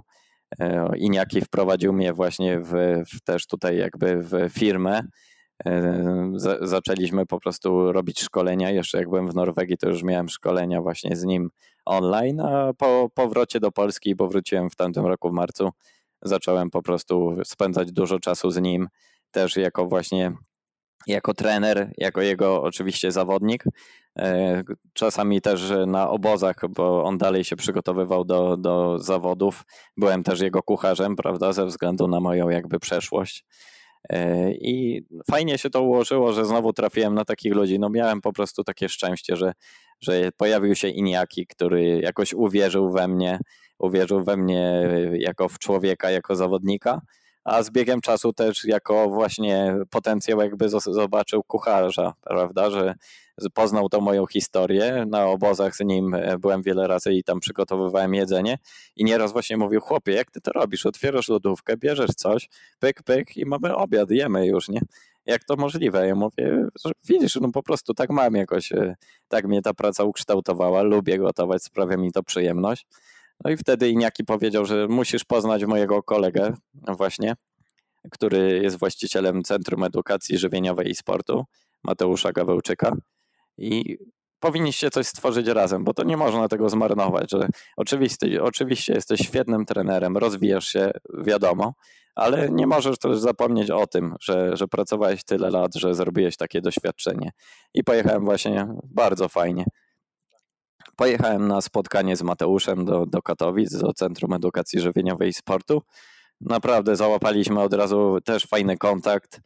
Mateusz e, przedstawił swoją wizję właśnie tego, że chciałby, żebym e, był takim kucharzem, który jest odpowiedzialny między innymi za przygotowanie filmów takich typowych pod Instagrama, tak, e, bo oni mają w tym momencie pewnie z 300 klientów, którzy jak, w jakiś sposób dzięki temu mają pomysły na, na jakieś tam dania i tak dalej a po drugie od razu chciał mnie włączyć e, jakby w szkolenia takie kucharskie dla ludzi, e, właśnie podbiegi ultra i tak dalej, bo tutaj jednak widzimy jeszcze potencjał, że bardzo dużo sportowców e, i ogólnie ludzi startujących w zawodach się źle odżywia i mogliby naprawdę cały czas pobijać te swoje rekordy, poprawiać życiówki i tak dalej, gdyby trochę jakby skupili się na tym, co jedzą, że te kabanosy czy tam jakiś hot dog z Orlenu dzień przed biegiem 100-kilometrowym, to nie jest za dobry pomysł, że może lepiej zrobić coś swojego, tak? No i tak właśnie to się rozwija ta współpraca. Iniaki też jest właśnie e, współwłaścicielem tej, tej firmy. Iniaki to jest e, człowiek, który działa na wielu płaszczyznach, więc e, naprawdę roz, rozkręcamy, rozkręcamy tą firmę. Dalej jest pełno pomysłów, chłopaki. Jest też tam moja dietetyczka Andra Dylong, z którą współpracuję i teraz z nią zaczęliśmy pisać artykuły i robić przepisy dla Ultra Gazety z tym też wystartowaliśmy. Jest bardzo dużo projektów, aż czasami naprawdę łapię się za głowę, bo mam gdzieś tam zaległe rzeczy do zrobienia. Mateusz y, czeka cały czas, aż ja ruszę, żeby, żeby piłka była po jego stronie. I naprawdę fajnie, że mogę się rozwijać i że tak to się ułożyło, że jestem prawda w sporcie jakby cały czas, bo mam e, swoich zawodników. W tym momencie mam E, około 20 osób, e, między innymi mam dużo kolarzy, ale też mam biegaczy ultra, e, a przy okazji rozwijam się dalej właśnie pod, pod kątem tutaj, jakby to powiedzieć, kulinarnym, tak? No i tak jak mówisz, tak jak mówisz o tej cebulce, no lubię, lubię dobrze zjeść i to bieganie na pewno zapewnia E, to znaczy, to dzięki bieganiu po prostu mogę sobie pozwolić na zjedzenie jakiejś pizzy czy jakiejś pyszności, prawda? Które lubię przygotowywać, bo wiem, że to spalę, a że trenuję często trzy razy dziennie.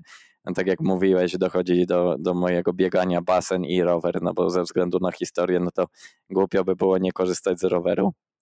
A po drugie właśnie basen i basen jakby zawsze lubiłem pływać, ale teraz go jakby pokochałem na nowo, bo chodzę na basen, mam jakieś różne ćwiczenia zadane i no teraz w tej obecnej sytuacji jest ma, no niezmiernie mi przykro, że nie mogę po prostu pojechać na, na basen i zrobić tam porządnego treningu, ale no to wiadomo, że to minie i będzie wszystko ok, tak? Będzie Więc... okej. Okay. A jakbyś mógł opowiedzieć troszeczkę o specyfice treningu, który teraz masz z, z Inakim, bo mówię, że codziennie trenujesz po kilka razy dziennie. Jak, jak znosisz te obciążenia i jakiego rodzaju treningi robisz? No to tutaj właśnie, to jest wielka różnica. Mm, wielu ludzi na pewno może się z tym nie zgadzać. Ja tam nie narzekam na razie na wyniki, na przeciążenia i tak dalej. Y, wiem, że mój trener y, jest, jest świetnym po prostu szkoleniowcem. On cały czas się szkoli korzysta z wielu kursów, lata do Stanów, lata do, do Boulder, do Colorado, gdzie ma swojego trenera, uczy się od niego. My całkiem inaczej podchodzimy do tego, bo niestety, muszę to powiedzieć, wielu się nie zgodzi, wiem o tym, prawda, że wielu po prostu ludzie biegają tak, jak chcieliby e, biegać. Tak naprawdę to jest główny problem właśnie biegaczy, szczególnie takich początkujących, że oni biegają za szybko to nie jest naprawdę dobre i, i, jeśli zwolnicie, to z biegiem czasu zobaczycie, że to naprawdę dużo więcej wam da, więc te treningi moje no, po prostu są spokojne. Ja trenuję dużo, bo trenuję bardzo, czasami 18-17 godzin w tygodniu, jak jest taki e, naprawdę solidny wycisk, ale nie trenuję ciężko, bo ja tam w tygodniu mam czasem jedną jednostkę jakąś mocniejszą, a reszta to są bardzo spokojne biegi nie wiem, ktoś może przeglądać strawę, zobaczy, no gość cały czas easy run, easy run biega, prawda? Kurczę, chodzi na ten basen, coś tam popływa, nie wiadomo co robi. Na rowerze też easy ride. I co? I później na zawodach jakoś, kurczę, daje radę, nie? Nie jest tam na, na końcu e, samym. Także no ważne to jest, żeby, żeby tych obciążeń nie było za dużo i dlatego e, ważne jest, żeby korzystać z innych e, właśnie metod treningowych, żeby korzystać z roweru, żeby korzystać z pływania, nie obciążać tych stawów cały czas, bo to nie jest dobre takie klepanie, a po drugie strasznie się zamulamy przez to, że, że tylko biegamy i biegamy i biegamy. No i to tak samo jak jeździłem na rowerze wcześniej, tylko jeździłem, a jakbym dołączył wtedy jeszcze ten basen i bieganie, to by było trochę inaczej i na pewno byłoby trochę lepiej. No i tutaj właśnie na, z Iniakiem się skupiamy na tym, że mamy e, ten trening jest właśnie periodyzacja, robimy coś właśnie e, w odpowiednim czasie, prawda? I też właśnie te obciążenia nie są za duże. E, bo treningi są spokojne, ale jeśli mam zrobić naprawdę jakiś tam drugi zakres, to jestem wtedy gotowy. Nie jestem zajechany bieganiem po górach dzień wcześniej, bo po prostu miałem jakiś luźny trening. Więc to jest bardzo ważne, żeby się na tym skupić. E, oczywiście, jak z nim zacząłem współpracę, powiedział mi: Słuchaj, no to zapisz mi tutaj twój plan treningowy, jak ty trenowałeś. No to ja mu tam jakiś szkic napisałem. On popatrzył, wyliczył i tak mówi: 10 godzin? No to tak e, nie umniejszając ci, ale 10 godzin to, to jest nic. Co to? To naprawdę to jest mało, mało treningu. E, masz naprawdę potencjał na to, żeby być dużo lepszym biegaczem, tak, dużo lepszym sportowcem i na pewno będziemy biegali dużo, dużo więcej i ogólnie trenowali, nie? Ja tam też w planie miałem zaznaczone poniedziałek wolny przykładowo, on mi powiedział, no nie będzie wolnego. Nie będzie tak dnia wolnego, że będziesz leżał czy coś tam. Oczywiście jest. Po zawodach wchodzę na mojego training pixa i mam tam zaznaczone, że pizza day, tak? Odpocznij, prawda? Albo idź na spacer z psem, cokolwiek, nie z Kasią, zabierz ją do kawiarni czy coś takiego, nie? Także Także tak to wygląda. No, ten trening jest przede wszystkim przemyślany. No, nie jest to e, tłuczenie, e, nie bijemy rekordów. Na treningach nigdy się nie skupiam na żadnych e, segmentach. Po prostu, naprawdę, no, tak na, co nam to daje? Możemy tak y, pobić jakiś rekord na treningu, a później na zawodach y, przyjeżdża Marcin Świerc i tyle, nie? Albo Bartek Gorczyca, czy prawda, inny zawodnik, no. no albo, no dobrze, ale tak. nie, nie wszystkie twoje treningi są w spokojnym tempie, robisz Oczywiście, oczywiście, robię, robię szybkie tempo, tylko mówię, to jest y, tyle, ile trzeba, nie ma, nie ma tam przesady, prawda, nie ma tak, że zrobię załóżmy drugi zakres czwartek, a w piątek podbiegi i jestem dorąbany jak nie wiem, tylko na przykład mam ten drugi zakres, a na drugi dzień idę na basen, a po południu sobie jadę jeszcze na rower na godzinkę, tak, że po prostu nie klepię znowu gdzieś tam, tylko mam, mam szansę na tą regenerację. No jednak basen jest na tyle fajny, że nie obciążamy nic stawów, a jest to świetny trening i jeśli ja tam potrafię E, przepłynąć właśnie załóżmy 3 km w godzinę, czy tam nie wiem, coś w tym stylu między 2,5 km a 3, no to naprawdę jestem bardzo zmęczony i nieraz to jestem bardziej po takim treningu na basenie zmęczony niż po jakimś wybieganiu 30-kilometrowym po górach, bo jednak e, wiesz, jednak jest tam ten oddech, tak, trzeba zapanować nad tym, bo cały czas głowa jest pod wodą i jest to świetny ogólnie ogólnorozwojowy trening, także polecam basen. No i polecam rower, tak samo. A ile tego roweru w stosunku do biegania masz w tygodniu? To zależy też, bo to zależy od e, okresu przygotowań. E, teraz na przykład po Zuku, no to głównie jeździłem na rowerze. Ja pierwszy raz chyba biegałem dopiero po tygodniu, gdzieś, gdzieś wybrałem się na, jakąś, e, na jakiegoś takiego easy, easy runa, ale w, od razu zaraz w poniedziałek po Zuku już miałem z dwie godziny roweru, od razu miałem jakieś tam rozciąganie, basen oczywiście, no bo to jest podstawa.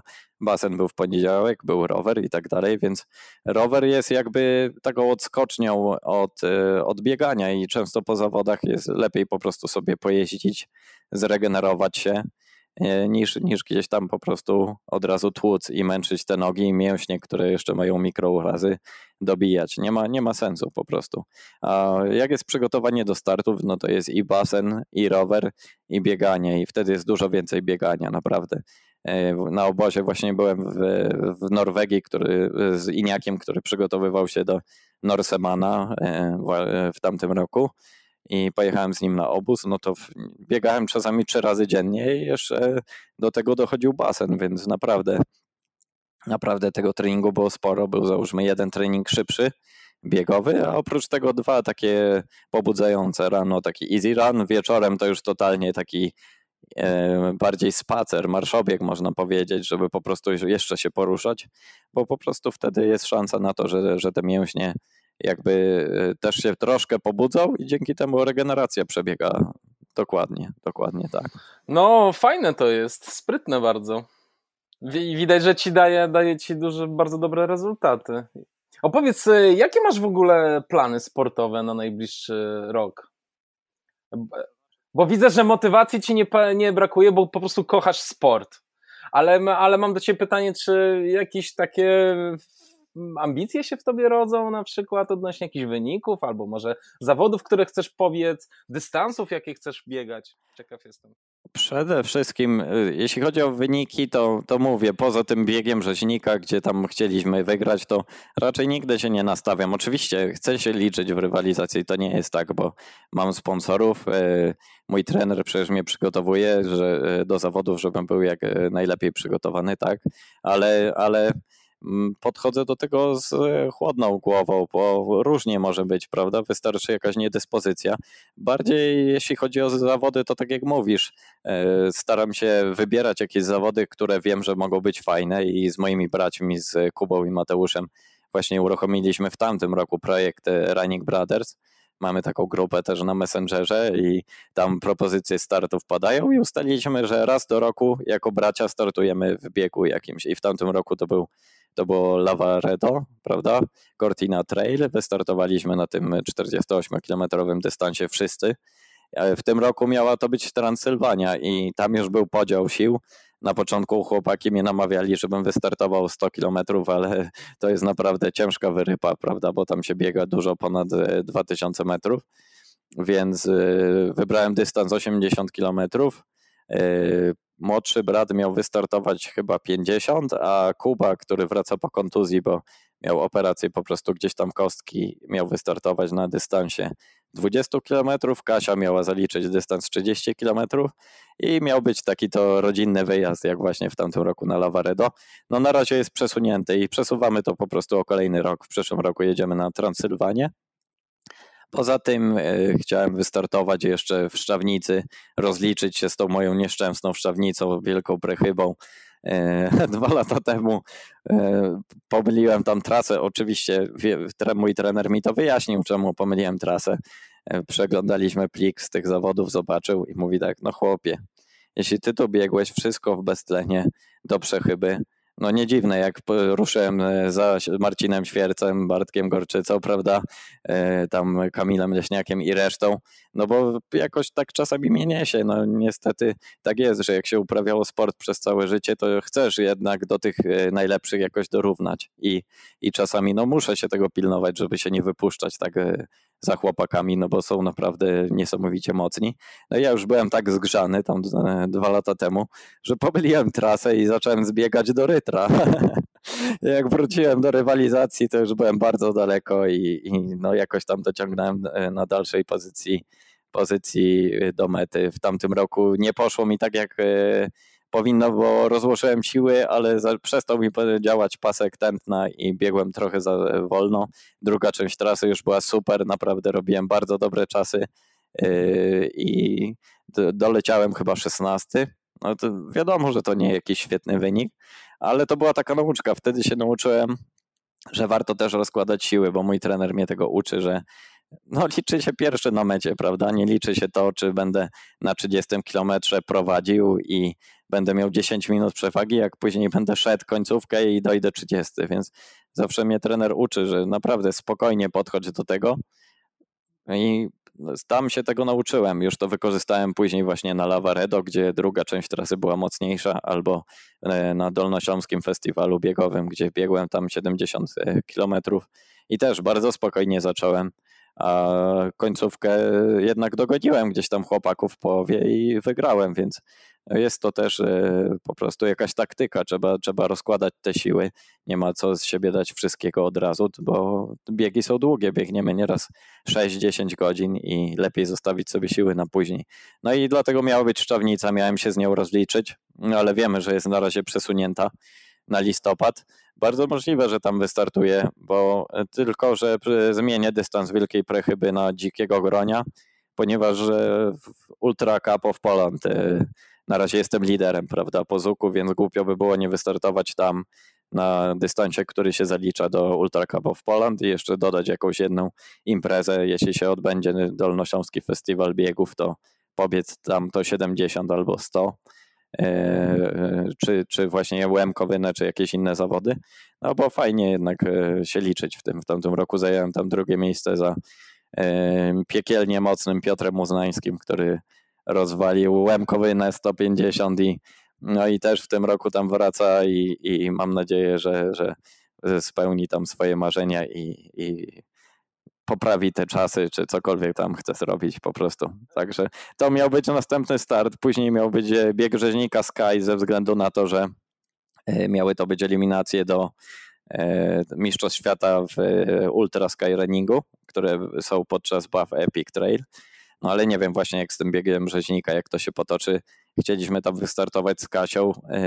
Oczywiście jeśli bym się nie zakwalifikował, to pojechałbym jako support dla Kasi na, na te mistrzostwa, jak ona by się zakwalifikowała chciałem e, to zrobić, bo podoba mi się teren taki właśnie jak na Buff Epic Trail, czy właśnie u nas w Tatrach, więc następnym startem e, Tatra Fest e, ma być. Nie będę mówił, że nie, bo kurczę chcę, żeby się odbyły te zawody, bo uwielbiam biegać w Tatrach. W tamtym roku miałem okazję supportować Kasię, gdzie pobiegła wspaniale, przebiegła w ogóle siódma w Open, co jest w ogóle jakimś hardcorem. Trzeba po prostu się oglądać, czy, czy, czy Solińska nas nie goni.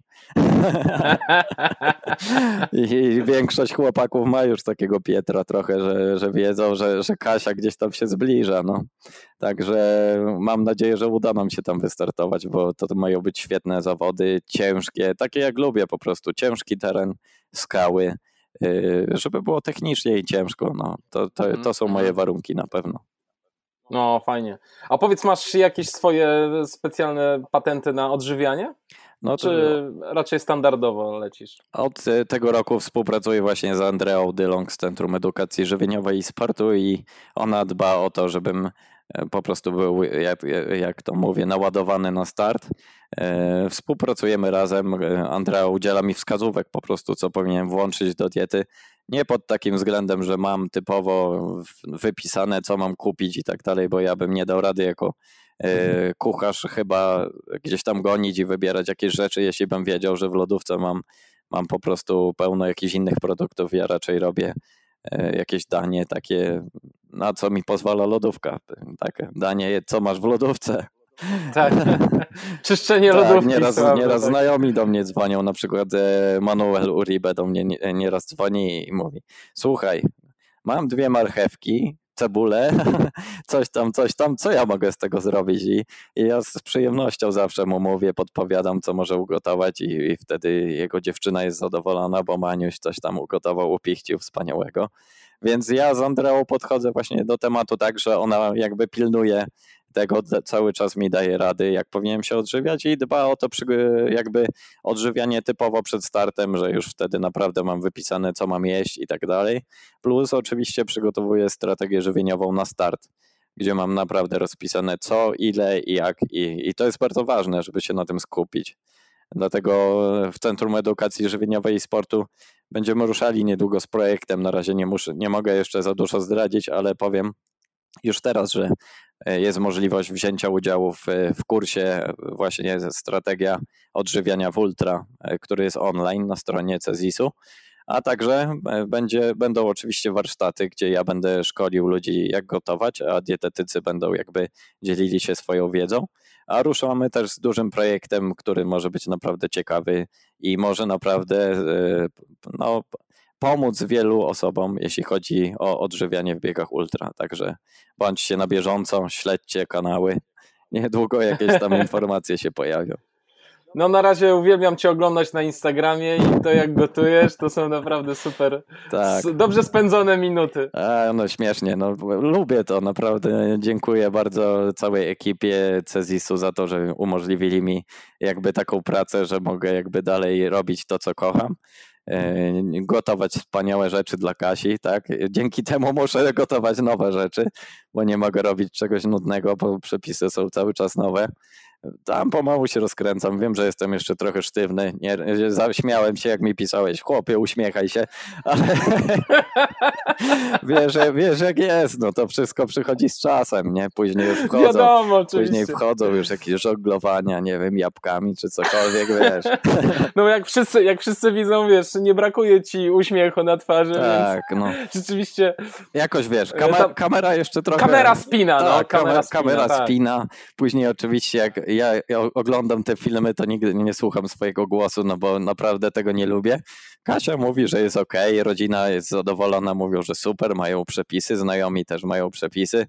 bardzo mnie cieszy, bardzo mnie cieszy, jak ktoś właśnie tam oznaczy czy, czy Centrum Edukacji Żywieniowej CEZIS, czy, czy mnie na Instagramie, to najwięcej mi przyjemności to sprawia, jak widzę, że ktoś mógł skorzystać z jakiegoś przepisu i coś zrobił.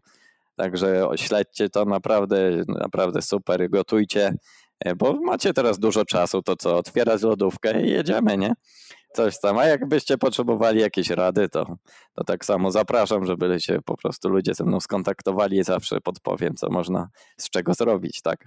No, powiem ci, że ja najbardziej żałuję przez e, obecną sytuację, że nie mogę się przyjechać do was do Krakowa i spróbować po raz kolejny twoich wspaniałych dań. Bo jak byłem e, i rozmawiałem z Kasią, no to oczywiście nas tam ugościłeś, nie? Więc e, no to jest duża strata, duża strata. Oczywiście, no, no też mam wspaniałą dziewczynę, Kasia, no jest też naprawdę wymiata w kuchni, nie dość, że jest świetnym sportowcem, człowiekiem wspaniałym, a, ale przede wszystkim też wymiata w kuchni, więc e, tak jak weekend dzisiaj, to nie mam wstępu tam, co ty, zapomnij.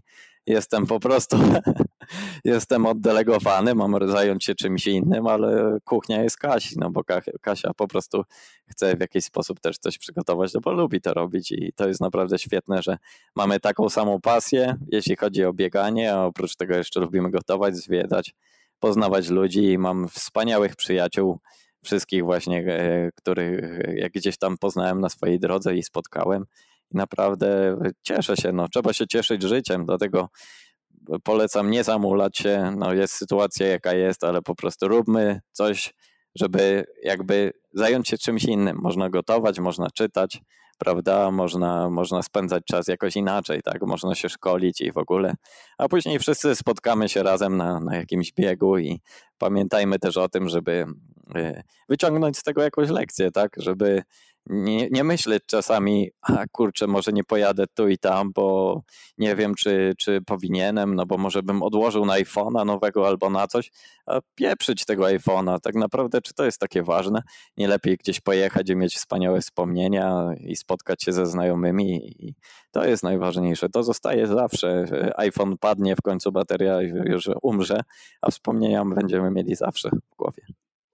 Absolutnie tak, Maćku. Bardzo Ci dziękuję za Twoją opowieść. Wspaniale y, nam przedstawiłeś swoje sportowe życie. Dziękuję bardzo. I no ja jestem fanem y, i będę Cię śledził i życzę Ci dużego progresu i, i szczęścia przede wszystkim w życiu. Dzięki Kamil. No co, co mogę powiedzieć? Ty też wymiatasz w kuchni, także mam nadzieję, że będzie taka szansa. I oczywiście jak wszystko się uspokoi, to gotujemy razem, spotykamy się Musimy się Absolutnie. spotkać. Tak, pamiętajmy wpadnę na, jaki, wpadnę na jakiś odcinek Cezisu do ciebie. Dobra, o, to właśnie. Usmażymy cebulę. Możemy zrobić, albo zrobimy jakiegoś live'a Black Hat Ultra, Black Hat Cook, tak? Cooks, czy jak tam miałeś, tak? Black Hat Cooks, tak. No i naprawdę będzie fajnie coś zrobić dobrego. I na pewno dużo się nauczę od ciebie, bo tylko jeszcze dodam, że właśnie to, że w tej kuchni coś potrafię, to miałem po prostu szczęście, że spotkałem na swojej drodze wielu szefów kuchni właśnie z Niemiec, z Francji, Austrii, z Chin i gdzieś tam ich podpatrywałem i to jest właśnie super, że do dzisiaj mam z nimi jakiś kontakt, a po drugie wyciągnąłem bardzo dużo od każdego z nich, połączyłem to w całość, postarałem się odrzucić te złe jakieś tam e, wady, które po prostu oni mieli i wyszło całkiem fajnie, myślę, że jest ok. Może nie są to jakieś nie wiadomo jakie potrawy, ale pomalutku rozwijamy się i ciśniemy dalej. Dokładnie tak. Dziękuję Ci bardzo Maćku za rozmowę. Pozdrawiam Dzięki, Cię serdecznie. Się, pozdrawiam. Do zobaczenia wkrótce mam nadzieję. Tak jest, widzimy się. Hej, Trzymaj cześć. Się. Trzymaj się, pa. Hej.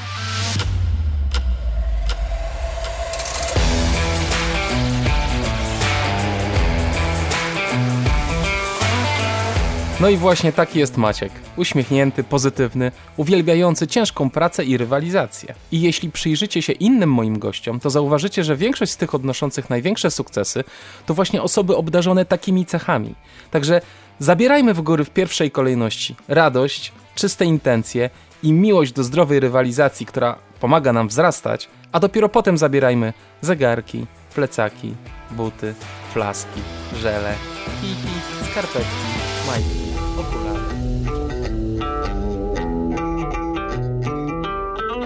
Dziękuję Wam serdecznie za wysłuchanie tego podcastu. Zapraszam Was też do wysłuchania pozostałych 42 odcinków Ultra Historii.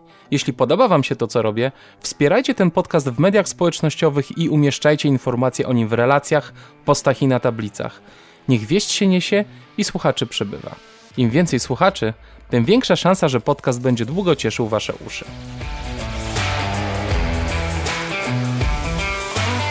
Możecie również wesprzeć ten podcast finansowo na patronite.pl łamane na Black Hat Ultra. Bardzo doceniam każdy wkład. A najniższy próg wsparcia to tylko 5 zł, więc nie ma na co czekać. Dokładny link znajdziecie w opisie odcinka. W tej chwili podcast na Patronite wspierają 33 osoby. Ale chciałbym wymienić tutaj nazwiska tych, których wkład jest największy. Są to Przemysław Barnowski, Krzysztof Bednarz, Michał Janiak, Marcin Jaźwiecki, Andrzej Gąsiorowski, Jakub Korczyk, Przemysław Kozłowski, Marcin Stefaniak i Edyta Winnicka. Zapraszam również do zakupów świetnych butów firmy Altra i majtek dla mężczyzn Saks. Wpisując kod promocyjny Black Hat jest szansa na sporą zniżkę. Szczegółowe informacje znajdziecie w opisie odcinka. Zapraszam Was też na stronę internetową www.blackhatultra.pl, gdzie znajdziecie nie tylko transkrypcje odcinków, ale również przepisy na smaczne wegańskie dania. Niezmiennie zapraszam wszystkich również do wystąpienia w moim drugim podcaście o nazwie Black Hat Team. Jego formuła wygląda w ten sposób, że sami nagrywacie swoje historie, a nagrany materiał wysyłacie do mnie i ja go publikuję w formie podcastu. Zapraszam do kontaktu mailowego na adres ultra. Ten odcinek podcastu Black Hat Ultra przygotowali Kamil Dąbkowski, prowadzenie i montaż oraz Piotr Krzysztof Pietrzak, transkrypcja i media społecznościowe, a autorem muzyki jest Audio Dealer. A jeżeli ktoś tu jeszcze jest, jeżeli ktoś mnie słucha, jesteś tu? Tak, ty. Zamknij oczy na 30 sekund lub dłużej i poczuj swój oddech. Tak po prostu. Buźka.